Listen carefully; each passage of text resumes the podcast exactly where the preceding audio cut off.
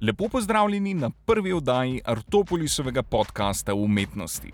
Z vami sem Matej Tomažin, danes pa bomo govorili o umetniškem trgu.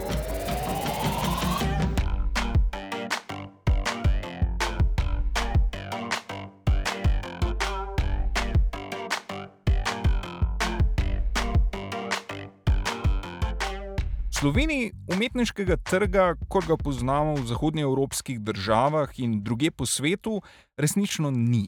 Kar pa posledično precej otežuje pogled v njegovo strukturo vsem nam, ki se z umetnostjo poklicno ukvarjamo, oziroma si to enkrat želimo početi.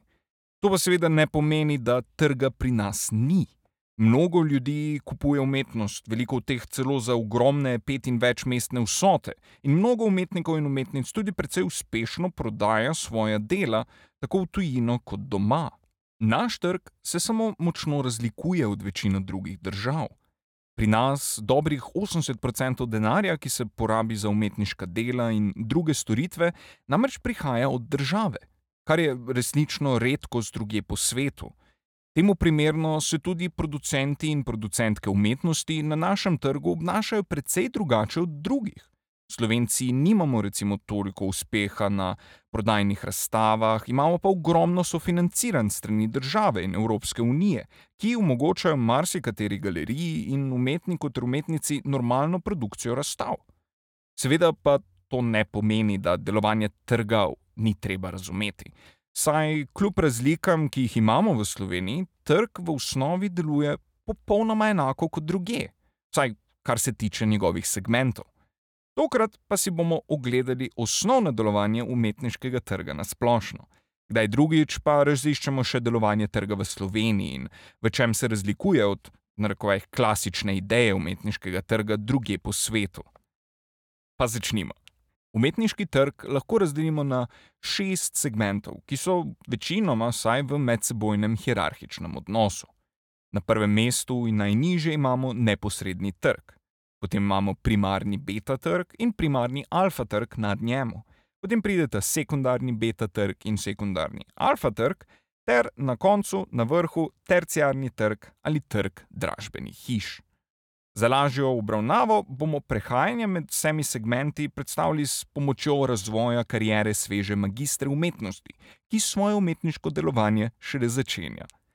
Na začetku je njeno umetniško delo vredno natanko nič evrov. Umetnica seveda s takšno izklicno ceno ne more upravičiti svoje produkcije in sprva poskusi vstopiti na neposredni trg. Saj brez referenc, se pravi razstav, recenzij, kritik in tako dalje, nekako ni zanimiva za druge segmente trga. Za svoje delo, v njenem primeru 50 cm x 70 cm veliko impresionistično sliko z motivom figure, postavi ceno 100 evrov plus ceno stroškov izdelave dela. Zaradi večjega povpraševanja iščeš čas, uspe prodati nekaj del, predvsem zaradi njihove estetske vrednosti in nizke cene. Po določenih uspehih in eni skupinski razstavi poizkusi vstopiti v primarni beta trg. Le tega sestavljajo galerije nižjega statusa, ki v umetniškem svetu zasedajo manj pomembna mesta. Veliko krat je primarni cilj teh galerij prodaja kupcem, ki svoje odločitve sklepajo striktno emocionalno, se pravi, se ne gledajo na ložbene vrednosti nakupov, ampak prednjači okus. Temu primerno so tudi cene precej nizke, glede na hierarhično više segmente, seveda. Pa da se vrnemo nazaj umetnici. Ker je v tem času popraševanje po impresionističnem slikarstvu še vedno precej visoko, bo po številnih sestankih in pošiljanju portfolijev določeni galerist iz galerije B umetnico in njeno delo sprejel v svoj nabor razstavljenih del in umetnikov. Umetnica bo tu postavila ceno, ki bo podobna cenam drugih umetnikov v tem segmentu, Leta pa bo seveda prilagojena glede na motiv, velikost in materijale njenega dela. Zdaj bo zahtevala 200 evrov plus stroške izdelave za svoje delo. Eno takšnih del se bo prodalo prijetnemu paru, ki je prav v modrih tonih, v katerih je delo naslikano, iskal nekaj, kar bi se podalo njunemu fotelju identične barve, ki ga imata postavljenega v dnevni sobi. K nakupu ju bo spodbudila tudi ideja podpore revnih intelektualnih umetnikov, kar naša umetnica po videzu in vedenju tudi uteleša. Brez te dodane vrednosti se za nakup mogoče celo ne bi odločila, saj je v tem segmentu konkurenca njeni sliki bila tudi precej dobro natisnjena kopija neke kandinske slike iz Ikeje za slabih 40 evrov. Ker pa ima par, ki je precej zadovoljen s celostno podobo njune ukrasne naložbe, tudi kar nekaj prijateljev, ki seveda želijo konkurirati njunemu dobremu duhu podpore umetnosti, se bodo tudi trije njunih prijatelji odločili za nakup del naše umetnice. Umetnica je zdaj začutila, da se je popraševanje po njenih delih povečalo in s tem bo povišala tudi svojo prodajno ceno na 300 evrov plus stroške izdelave za podobno narejena dela od katere seveda, ker je zastopana strani galerije B, dobi 50% prodajne cene. Ta odstotek sicer varira od 50 do včasih 90%, večinoma pa se delež, ki ga prejme umetnik oziroma umetnica od prodaje preko galerije, giblje med 30 in 50%.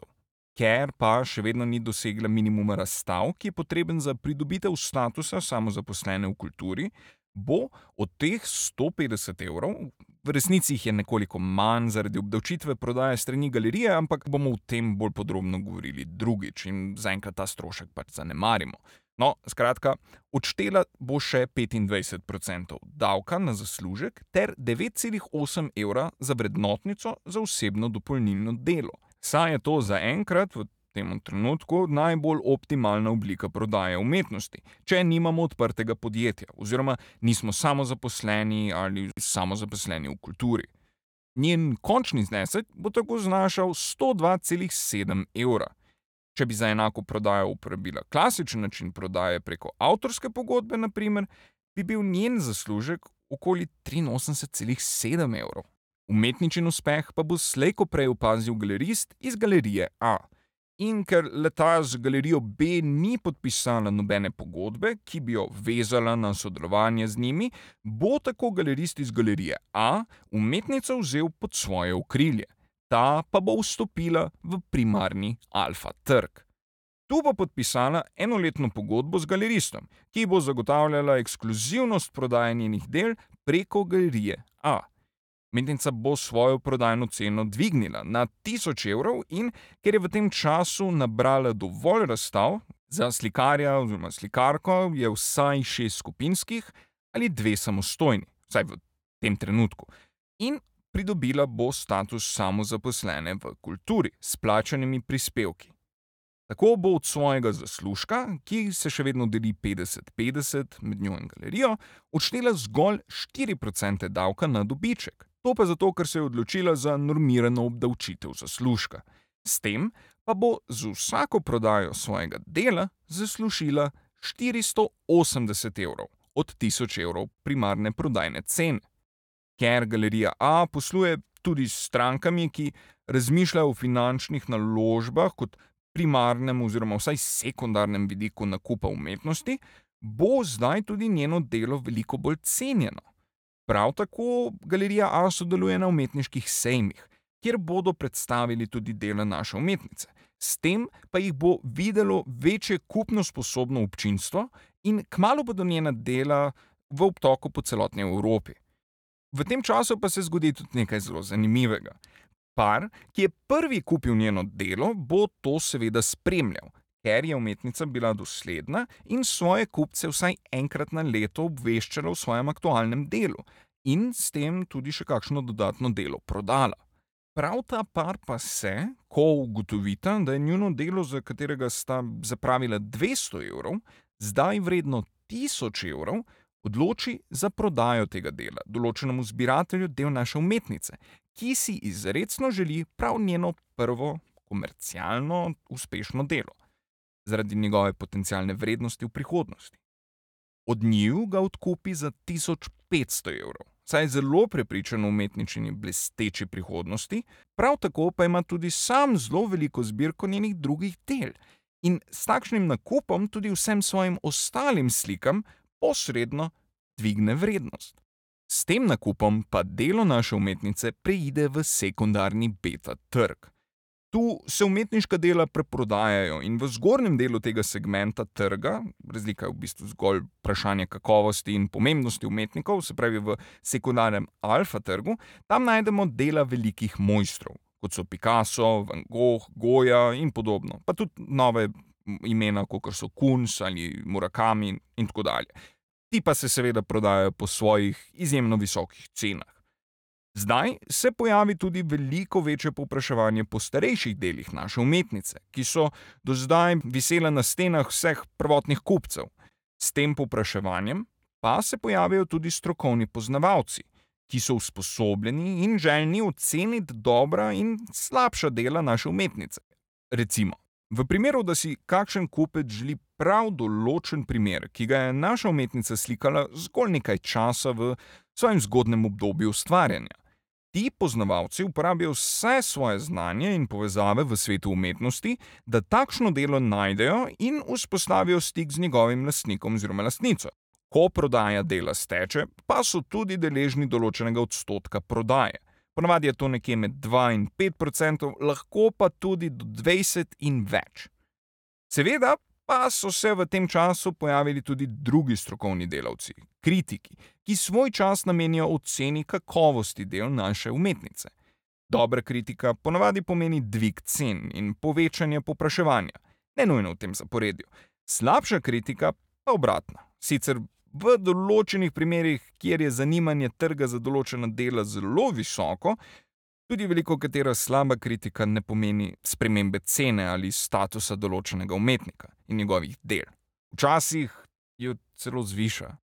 Tako se je med ustvarjanjem naše umetnice prodalo mnogo njenih del, cene katerih v mnogih primerjih niso javno znane. Umetnica tudi v mnogih primerjih ne ve, kje njena dela sploh so, saj s kupci nikoli ni podpisala pogodbe, ki bi zahtevala sporočanje sprememb lastništva, del ali njihovih prodajnih cen, kar pa je tudi veliko krat redkost, saj pri manjših imenih v umetniškem svetu. Tako se čez čas pojavi mnogo vprašanj o vrednosti njenih del, in naslednje leto vse strani aukcijske hiše v umetničinem kraju ustvarjanja priredi dražbo njenih del. S tem njena dela preidejo v šesti segment, terciarni trg ali trg aukcijskih hiš. Glavna naloga tega segmenta je narediti cene del določenih umetnikov transparentne in javne saj so registri o prodajnih cenah del skrbno vodeni, dražbe pa javne in dostopne širši javnosti, saj informacije o cenah in prodanih delih, če že ne fizično. Vsekakor pa mehanizem dražb tudi drastično poviša cene umetniških del, saj so tako dražilci in dražilke, kot tudi same dražbene hiše zelo tržno usmerjeni in preko raznolikih metod aktivno sodelujejo pri povzdigovanju cen umetniških del. S tem pa tudi zaključujemo naš kratek in ukviren pregled umetniškega trga. V bistvu trg ni nič drugega kot skupek posameznikov, ki v takšni ali drugačni obliki ocenjujejo našo produkcijo, njeno funkcijo in neposredno tudi njeno vrednost.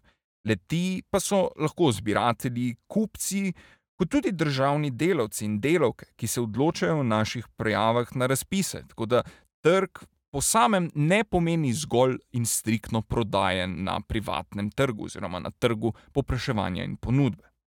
Upam, da vam je bila ta oddaja všeč. Kopijo oddaje lahko najdete tudi na našem blogu v tekstovni obliki, če bi si želeli kaj skopirati. Hvala za poslušanje in se slišimo na naslednji oddaji Artopolisovega podcasta naslednji teden.